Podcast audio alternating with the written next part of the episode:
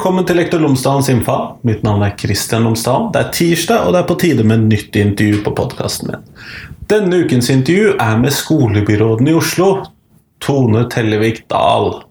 Hun representerer Arbeiderpartiet i det som man prøvde å kalle byregjeringen en gang i tiden, eh, men det som i hvert fall er byrådet i Oslo. Eh, hun arvet stillingen etter 16 år var det vel med Høyre-styret, og hvor Oslo-skolen hadde vært Høyre Partiet Høyre sin, sitt utstillingsvindu i skolepolitikken. Eh, vi snakker om dette, vi snakker om testregimet i Oslo-skolen, vi snakker om tillitsreformen, vi snakker om byråkratiet som har vokst opp, vi snakker om mange forskjellige sider ved det å drive storbyskole. Denne episoden henger relativt tett sammen med intervjuet jeg gjorde med Simon Malkenes i episode 56, så jeg anbefaler å ta en titt på det. Ellers så håper jeg at du kan gi meg en veldig fin julegave, og det er å skrive en anmeldelse av eh, podkasten min på iTunes. Det vil hjelpe meg å nå ut til enda flere. Men i hvert fall, eh, mens eller før du gjør det, så kan du i hvert fall få intervjuet med Tone Tellevik da. Her kommer det, vær så god.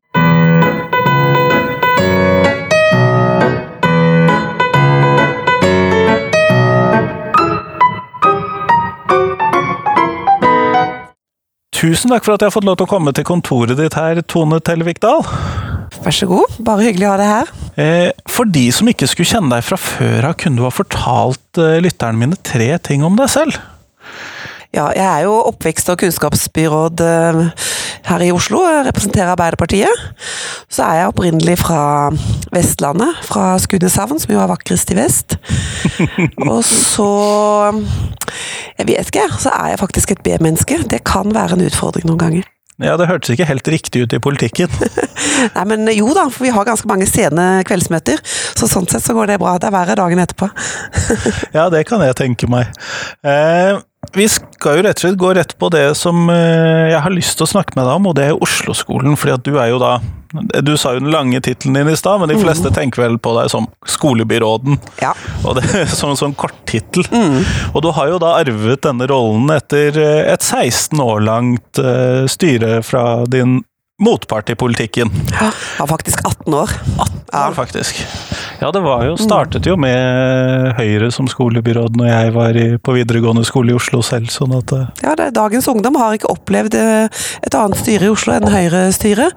Så det er fint at vi gir dem muligheten til å eh, vise at det går an å, å, styre byen på en litt annen måte også, selv om, eh, selv om vi ikke snur opp ned på alt. Mm. Men for å starte sånn helt simpelt, hvordan er ståa i Oslo-skolen i dag? Det er kanskje et stort spørsmål, men et godt utgangspunkt. Det er et stort spørsmål, for vi er jo Norges største største skoleeier, og vi har uh, utrolig kompetent uh, lærerstab. Uh, mange flotte skoler, flinke elever, men vi har også mange elever som har utfordringer som vi trenger å hjelpe ekstra.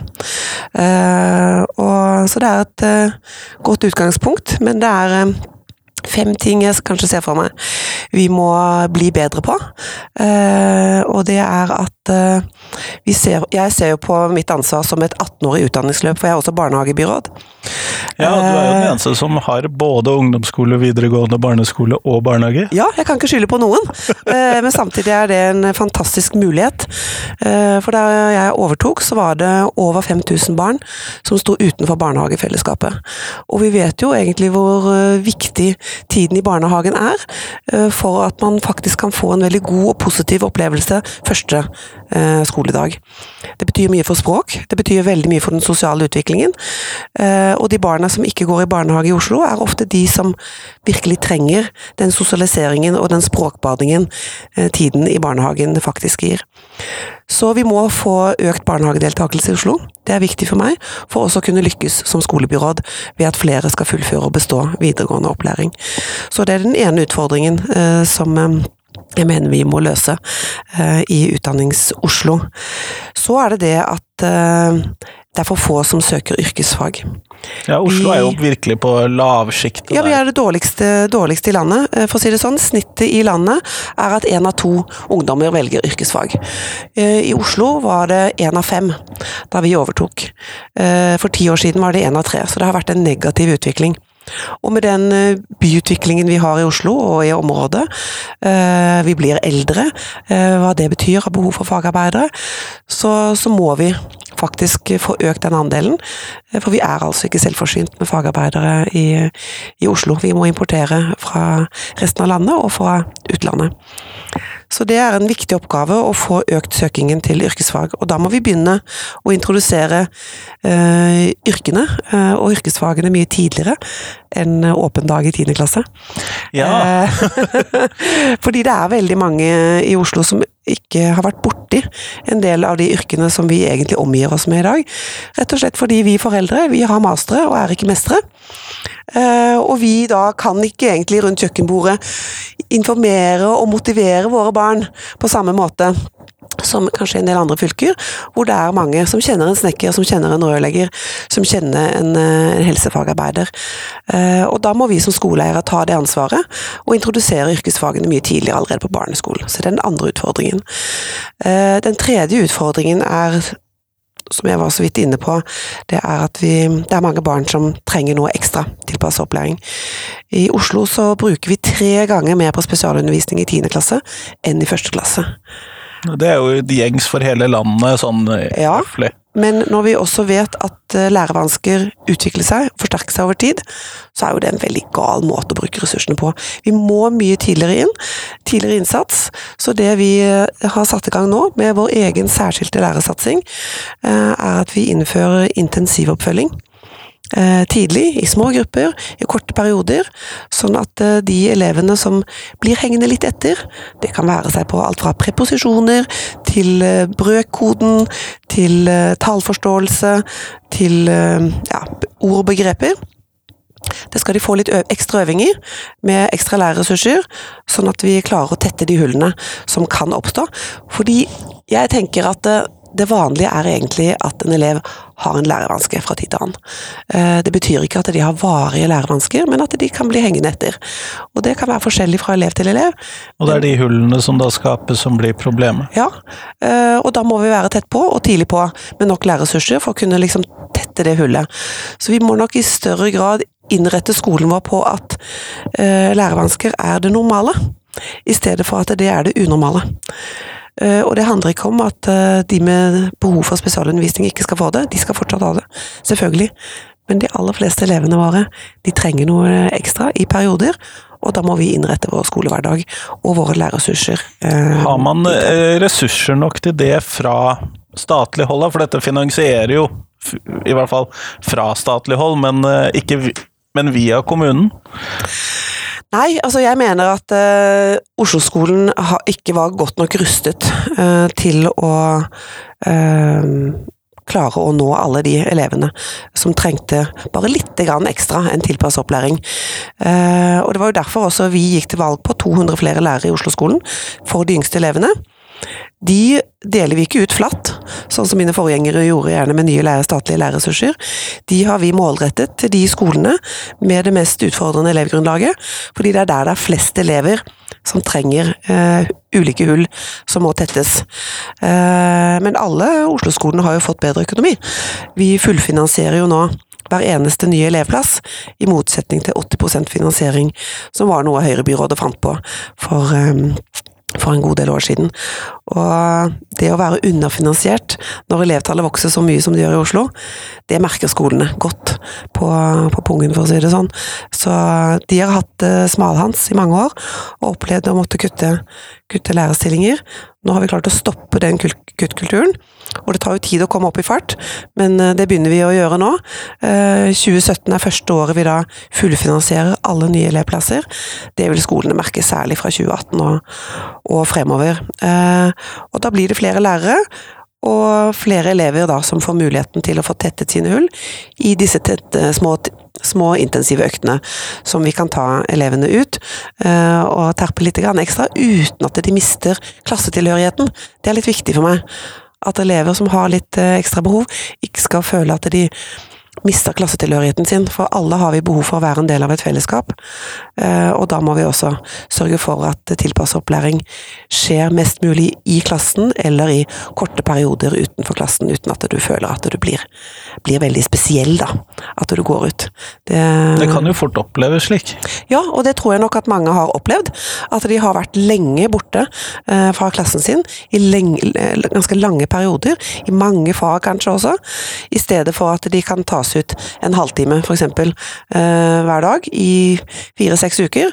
Og så er det, det, hullet som var viktig å tette da, det er der. Og det som gleder meg når jeg er ute på skolebesøk, fordi jeg besøker to skoler i uken, minst. Ja, ja, men jeg må ut og vite hva, hvordan terrenget ser ut. Ehm, det er jo at eh, elevene nesten eh, ivrer etter når de ser disse ekstralærerne våre komme inn i klasserommet. 'Å, er det min tur nå?' Eh, å få komme ut og få øve og terpe litt. Og det er jo flott at det har en sånn virkning på elevene, at de opplever at det er noe ekstra stas. At de får en ekstra oppmerksomhet. Og når de kommer tilbake til klasserommet, så sier også kontaktlærerne at de opplever at disse barna er mye mer aktive, delaktige, de rekker opp hånda. Mer motiverte, mann. Mer motiverte, for de har opplevd mestring i disse små gruppene, og kan da dermed strekke seg enda lenger i klassefellesskapet resten av dagen. Så det gleder meg. Så der eh, håper jeg da at denne eh, kostnadspyramiden skal snus fra at de store ressursene brukes tidlig, og at det er eh, litt mindre trøkk på spesialundervisning i, 10. klasse. Eh, den femte utfordringen Det var fire, nemlig. Ja, jeg eh. Følger du med? Ja, det er bra. Lærer, vet du. Den femte utfordringen er at vi er jo så heldige at vi har skolene våre i Norges største egentlig, kunnskapssentrum. Vi har eh, masse kunnskapsbedrifter, et stort næringsliv, og de flotte utdanningsinstitusjonene på høyere utdanning med høyskoler og universiteter. Og den nærheten vi har til denne fantastiske kunnskapskilden som næringslivet og høyere utdanning er, det må vi utnytte enda bedre. Eh, vi gjør noe allerede, litt allerede i dag, men jeg ønsker egentlig at særlig de videregående skolene de skal ha et fast og tett samarbeid med eh, enten et forskningsinstitutt eller eh, et universitet eller et kunnskapsrikt næringsliv. Det er mye ta av her. Ja, det er veldig mye å ta av. Og vi har begynt så smått med det jeg vil kalle et slags sånn trepartssamarbeid mellom en videregående skole, høyere utdanningsinstitusjon og næringslivet. Vi har det på Ullern videregående, som samarbeider med Oslo universitetssykehus og med Oslo Cancer Cluster, som der er næringslivet. Det er et flott samarbeid som gir den skolen en profil.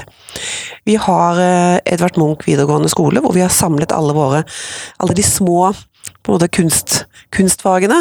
Gullsmed, treskjærere Hva het den for skolen før? Det var jo kunst- og håndverk... Eh, nei, hva het den? Altså, det var jo høy, Kunst- og håndverkshøyskolen. Ja, og den er jo nå flyttet opp ikke sant, til seilduken på Grünerløkka i den nye Kunsthøyskolen. Så, og de leide jo det bygget av Oslo kommune. Eh, så det er jo et staselig bygg. Eh, men hvor vi også har eh, studiespesialiserende programmer. Men eh, hvor profilen er da søm, design, kunst og håndverk. Så gir det da en profil. Og jeg ønsker også at flere videregående skoler skal kunne lage samarbeidsavtaler som gir skolen en profil, og som da oppleves som interessant for elevene. Og så vil jeg at at eh, de skal kombinere både yrkesfaglige studieretninger og studiespesialiserende på samme skole, sånn at ulike typer elever får vært sammen og kunne ha tverrprogramfaglige eh, prosjekter også. Eh, på den måten så vil forhåpentligvis statusen på alle våre videregående skoler kunne økes, fordi alle har noe særeget som er spesielt for dem, som elevene kan være stolt av. Og det tror jeg er viktig for deres motivasjon også. Og Det er jo også viktig å integrere, hva skal vi kalle integrere elevmassen, når, med tanke på hvor delt Oslo i hvert fall statistisk ofte er. Mm. Jeg er helt enig. Ehm, jeg tror det er bra eh, at ungdom får muligheten til å søke seg til andre miljøer enn de har vokst opp med, så det må vi jo legge til rette for. Ehm, men så tror jeg det også er viktig at vi blander ulike utdanningsløp, eh, sånn at elevene også, selv om de har valgt seg et, ser at det er spennende eh, å gå andre steder. Og vi har også gjort det mulig for eh, elevene våre å faktisk skifte eh, retning. Det er jo en del feilvalg. Du er ung eh, som 16-åring når du skal velge utdanningsretning. Det er bare å se på universitetet. Det, man Frafallet, frafallet på studiespes kommer på universitetet. Ja. Vi merker det ikke i kommunen, men det gjør universitetene. Og jeg tror nok at det, i dag er det jo Kan du ta yrkesfag, og så kan du tenke ombestemme deg litt, da, for å si det sånn, og velge påbygg og få øh, generell studiekompetanse. Eh, og da gå rett inn på høyere utdanning hvis du ønsker det. Men hvis du har tatt og valget ditt var studiespesialiserende, så er overgangen til yrkesfag den er eh, evig. Det vil i hvert fall kreve en forlenget eh, tid på videregående. Men det vi har gjort da, i vår, vårt arbeid med å revitalisere eh, og forsterke fokus på, på yrkesveien, som vi kaller det, da, eh, det er å gi muligheten til å søke overgang fra studiespes til yrkesfag uten å tape tid. Eh, og det har vi søkt om forsøk på, og det har vi fått innvilget. Og det gleder meg også i og for seg at eh, departementet syns ideen var såpass god at de har foreslått at alle fylker faktisk skal få en sånn mulighet. Jeg syns jo egentlig det burde bli pålagt at alle fylker gir elevene den muligheten. Den bytteovergangen bør kunne skje begge veier, ikke bare være for de som velger yrkesfag, men også Kanskje greit å teste det ut litt først, for det er jo noen del formalia oppi det hele. Absolutt, og timetall og det er masse sånn, men det har vi flinke fagfolk som jeg tenker eh, finner ut av. Jeg er bare litt opptatt av at elevene ikke skal oppleve at eh, de blir låst når de tar et valg som 16-åring, og at de skal tape tid, men at vi som skoleeiere og politikere og myndigheter skal gjøre det mest mulig fleksibelt for dem, eh, uten at eh, totaliteten eh, kollapser da, eh, for dem. Og vi har klart å gjøre det på yrkesfag, og har det som en på, en pålagt mulighet for, i alle fylker i dag, burde være mulig også andre veien. Det håper jeg i hvert fall jeg, jeg tror det er mange på studiespes som egentlig tenker at jeg burde nok vært på yrkesfag, men liksom, siden alle vennene mine går på studiespes, foreldrene mine har tatt det, ja, så har de nok kanskje følt seg litt sånn kulturelt tvunget inn i studieforberedende. Eh, og så opplever de at overgangen til yrkesfag er litt for tung, også tidsmessig. Så dermed så står de litt i det der eh, løpet, som kanskje likevel er tungt for dem, og at man mister motivasjonen, og det er synd. Det skjønner jeg. Jeg har litt lyst til å gå tilbake til punkt fire. Det Ja. var nyttig med sånne punkter. Ja. Eh, For så vidt jeg har forstått, så har ikke du vært udelt positiv til eh, denne lærernormen som nå Lærertetthetsnormen heter det vel kanskje, som nå har havnet inn i budsjettforhandlingene. Har jeg Altså, forstått jeg- det riktig da? Altså, jeg er veldig for flere lærere. Jeg gikk jo tross alt til valg på at Oslo skole skulle få flere lærere. Så det er jeg veldig for. Men jeg er opptatt av at vi bruker lærerne der de, eh, flere lærere der de faktisk får størst effekt. Eh, og jeg er også for at eh, man ser for seg et slags sånn minimumsnivå som den gjengse elev uansett trenger rundt seg. Dagens lovverk stiller jo egentlig krav til det i dag, uten at det er definert med et tall eh, eller en sum. Eh, så i utgangspunktet så er jeg for en lærernorm, men jeg er veldig redd for at en norm på skolenivå gjør det vanskelig for oss som skoleeiere å eh, sikre at de skolene som trenger ekstra mange lærere, ikke får det, fordi vi har brukt opp på en måte lærerårsverkene og de, den finansieringen vi da forhåpentligvis får fra staten, på skoler som kanskje ikke trenger så høy lærertetthet.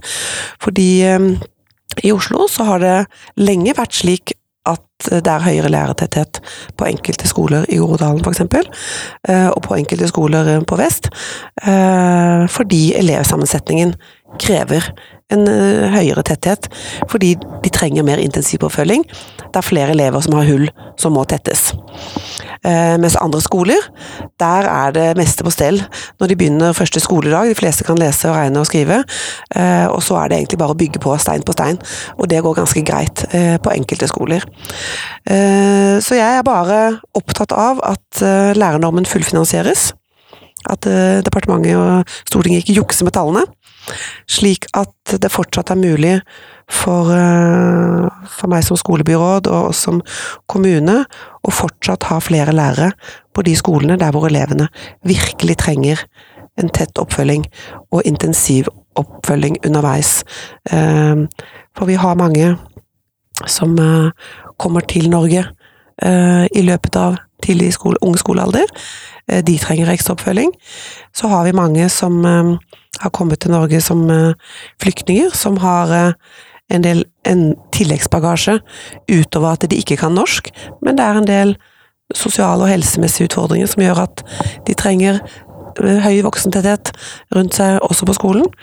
Eh, og så er det det som jeg mener da helt generelt, at det vanlige er at elever har lærevansker, og det er en del sosioøkonomiske forhold som gjør at tettheten av hull, for å si det sånn Ja, det var jo nesten motsetningsfullt, men eh, ja. Ja, ja. Du skjønner Jo, hva jeg jeg- mener? jeg skjønner hva du Eh, mener. Den øker fordi all forskning viser at foreldrenes utdanningsnivå og inntektsnivå kan forklare 80% av karakterene elevene får.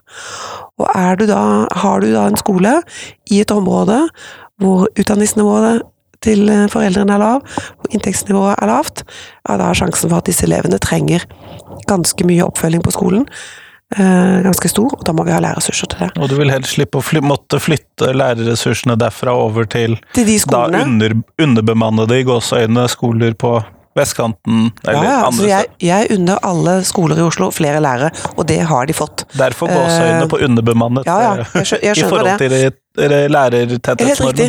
Men det er derfor jeg er opptatt av at det er fullfinansiering, og uh, at de ikke uh, beregner dette uh, f.eks. på kommunenivå, men faktisk beregner dette på skolenivå, uh, slik avtalen er. Og det er jo heller ikke en klassedelingsreform, som jeg er også veldig glad for, eh, for jeg trenger den fleksibiliteten til å forskjellsbehandle, eh, slik at elevene får like muligheter til å fullføre og bestå. For i Oslo eh, så har gjennomføringsgraden stått omtrent på stedet hvil de siste fem årene før vi gikk på, og det bekymrer meg litt. Eh, For vi har de aller beste forutsetningene for å kunne ha et høyere tall. Alle de andre fylkene har hatt en jevn, sakte oppadgående kurve, mens Oslo har stått på stedet hvil. Eh, Vi ligger sånn rundt 75% Så én av fire fullfører består ikke. Det er bekymringsfullt når vi vet at ja, det finnes vel knapt et yrke eh, lenger i Norge hvor du ikke må i hvert fall ha bestått videregående. Ja, Derfor det er vanskelig du å finne. Veldig svakt. Særlig fremover. Ja. Eh, og derfor så har vi en ambisjon om at vi skal øke det med 10 prosentpoeng. Eh, og da er jo alle disse virkemidlene jeg nå har nevnt, flere i barnehage, flere lærere for de yngste elevene. Eh, det, må, det må lærernormen gjøre det mulig for meg å gjøre, eh, rundt de som trenger det mest. Flere må søke yrkesfag, vi må tilpasse, og vi må ha et sterkere lag faktisk også rundt elevene. Ikke bare ha en skole for elevene, men for hele mennesket. Og det er litt viktig for meg. Skolehelsetjenesten må være der, rådgivningstjenesten må være der, psykologer, miljøterapeuter, ja. Det er en del elever som har med seg ganske mye mer enn skolebøkene i den sekken når de går inn den skoleporten. Og det må også skolen være rustet for. Eh, Du som lærer har sikkert opplevd at eh, til tider så opplever du deg både som Det er ikke, det er ikke bare faget jeg bryr meg om. Nei, altså det er liksom, du er familieterapeut, du er psykolog, det er, ikke sant? eh, du er kontakten til Nav-kontoret. Nav-kontoret. Det er ganske mange oppgaver jeg tror lærere i dag opplever at de gjør, som de egentlig ikke har utdanning for. Vi har yrkesgrupper som har det, har denne kompetansen. Eh, og de kompetansene mener jeg i større grad må komme inn på skolen, sånn at lærerne eh, har tid til å være lærere, med alt det det innebærer. De ser jo også hele mennesket, det er ikke det jeg sier.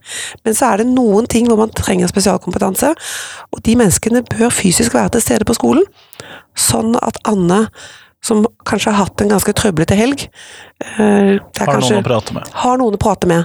Fordi for noen er mandagen verst, fordi de har hatt det så ille i helgen eh, hjemme. Eh, og da er det viktig å eh, få noen å prate med, sånn at eh, det som skjer i klasserommet, kan ha fokus når hun går inn i klasserommet.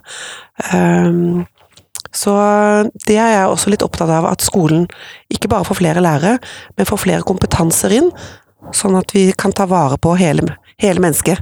Disse små menneskene som skal overta eh, eh, etter oss, og, og gjøre at vi også får en god alderdom, blant annet. Ja, blant annet. Men dette med å ta vare på hele mennesket leder meg jo egentlig litt glatt over til eh, hva man ikke kommer utenom når man skal snakke om Oslo-skolen. Og dette bringer oss jo litt tilbake til arven din fra forrige byråd osv. Fordi at eh, Oslo-skolen har jo vært utstillingsvinduet til eh, Høyre som eh, skolested, og man har hatt et ganske stort testregime, man har hatt ganske mye prøver og en del sånne særegenheter som har vært knyttet til Oslo-skolen. Um, i hvilken grad uh, jobber man med å forandre dette? Fordi at uh, Som lærer så har jeg i hvert fall opplevd dette som noe problematisk, i hvert fall sett utenifra. Mm. Ja, eh, vi har jo vært opptatt av å ja, Vi kaller det tillitsreform. Eh, det er jo et litt sånn stort ord, for det er jo ikke noe man vedtar. Eh, det mener jeg virkelig ikke. Vi kan ikke vedta tillitsreform. Nei, det kan være litt hult begrep. i det kan det, men, men, det som vi har vært opptatt av, det er å styrke lærerrollen og ikke minst profesjonsfellesskapet som er på den enkelte skole. Jeg er opptatt av at lærere samarbeider eh, godt, har tid til å samarbeide, har tid til å dele Eh, både gode erfaringer, men også utfordringer. Man skal ikke stå alene eh, i den jobben man gjør, for det er en ganske krevende jobb man har som, eh, har som lærer. jeg ønsker ikke oss tilbake til den tiden med den privatpraktiserende læreren. Det gjør jeg ikke. Jeg er opptatt av at vi deler, og at man tør å dele.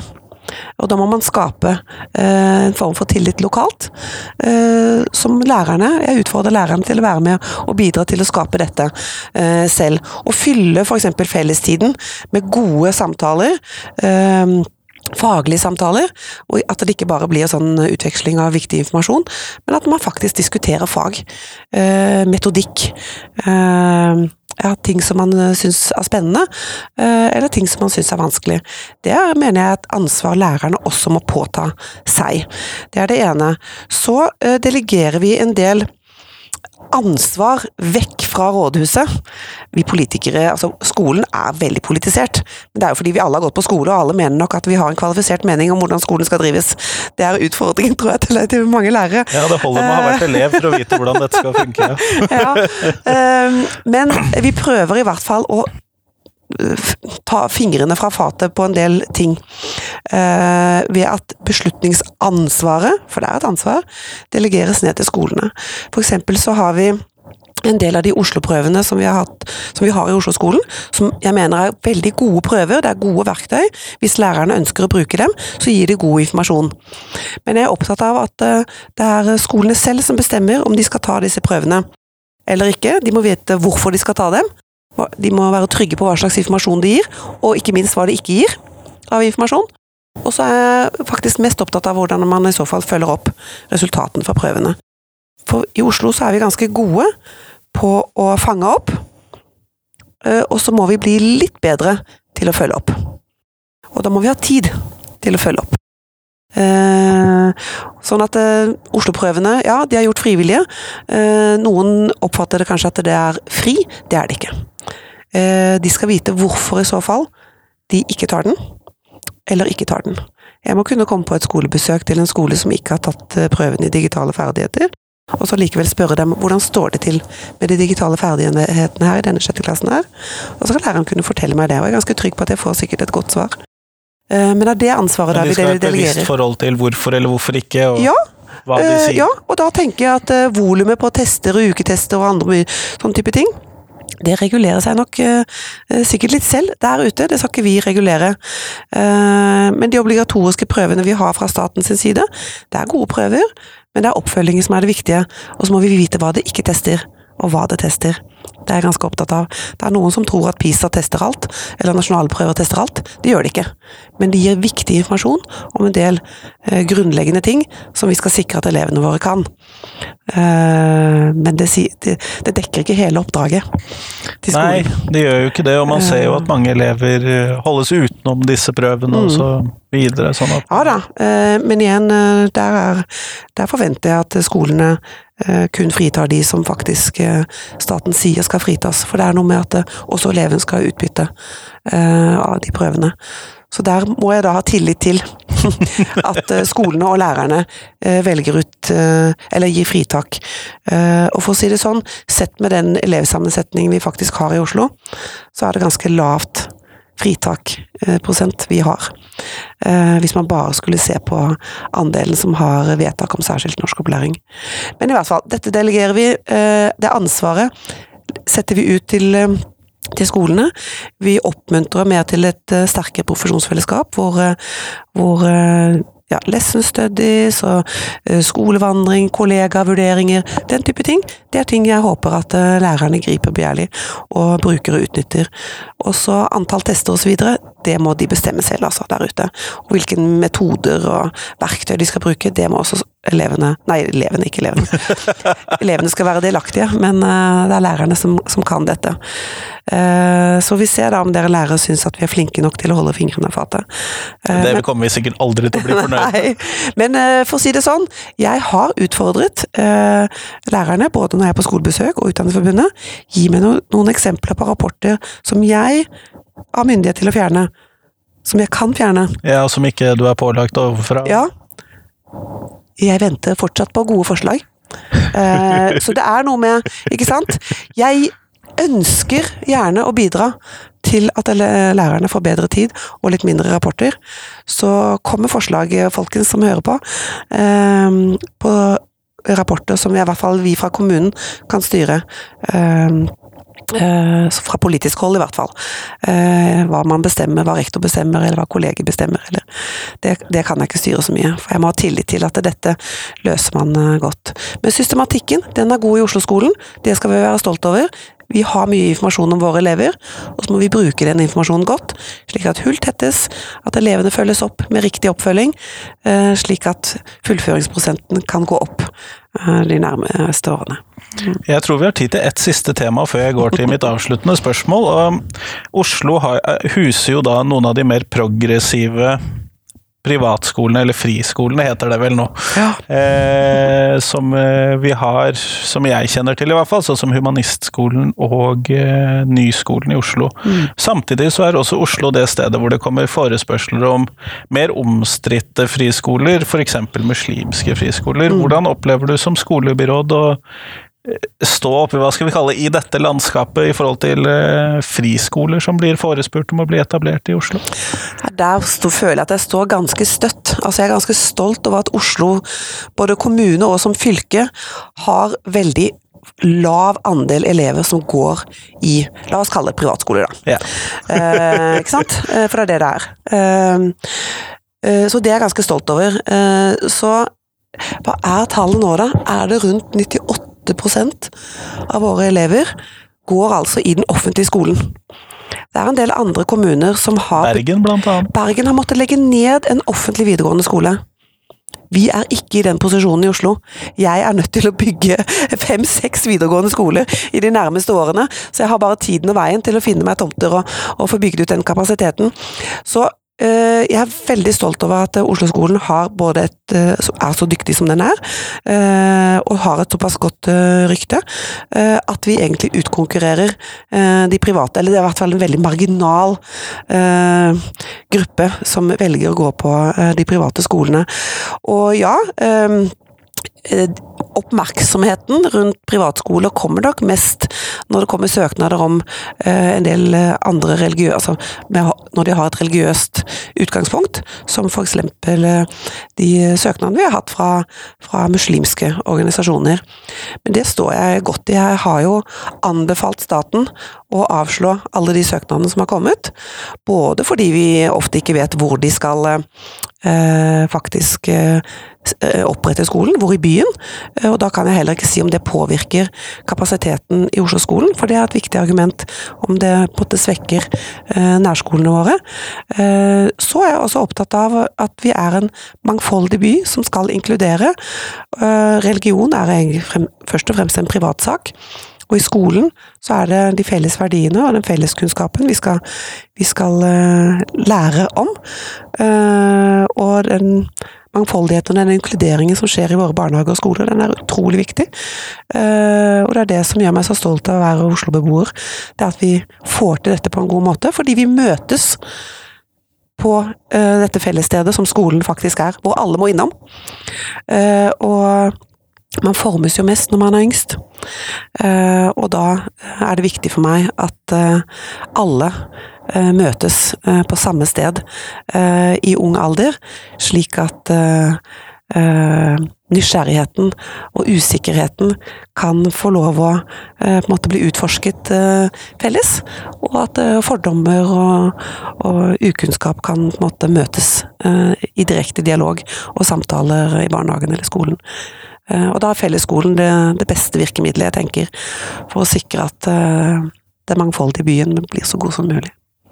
Så bra. Eh, vi kommer nå til det siste spørsmålet mitt, som jeg stiller til alle sammen. Eh, så du skal rett og slett få lov til å være skolediktator. Oi! Eh, altså, hva ville du gjort i norsk skole hvis du fikk fritt mandat og fritt budsjett? Hvor ville du startet, da? Man, eh, noen har jo litt lengre planer som tar litt tid, men sånn, hvor ville du startet som skolediktator? Åh. Ja, da vil jeg Ja, da, hva skulle jeg gjøre da? Jo, altså den viktigste forutsetningen for en god skole er egentlig at det er god rekruttering til lærerutdanningen. Så da ville jeg ha gjort noe med det, faktisk. For der har dagens regjering sviktet. Eh, Rekrutteringen har gått nedover de siste fire årene. Eh, Og terskelen har blitt høyere med firerkrav og de eksisterende lærerne er tvangsutsendt på videreutdanning. Så kompetansen er i ferd med å svekkes i, norsk skole.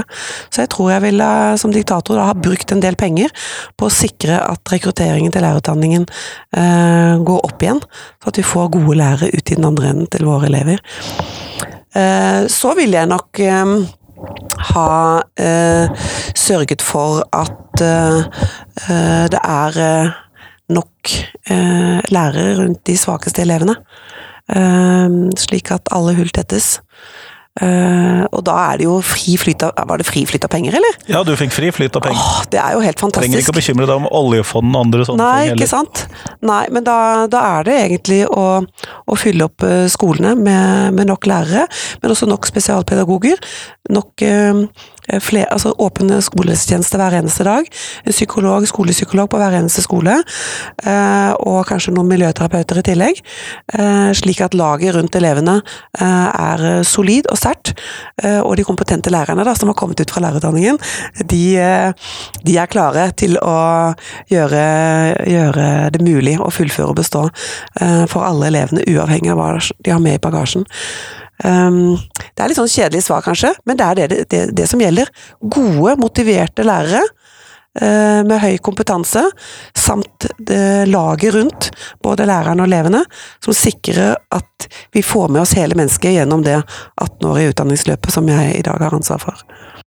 Kjempeflott. Tusen takk. Tusen takk for at jeg fikk lov til å komme og besøke deg. Så hyggelig at jeg fikk fortelle litt om de viktige tingene jeg brenner for i hverdagen.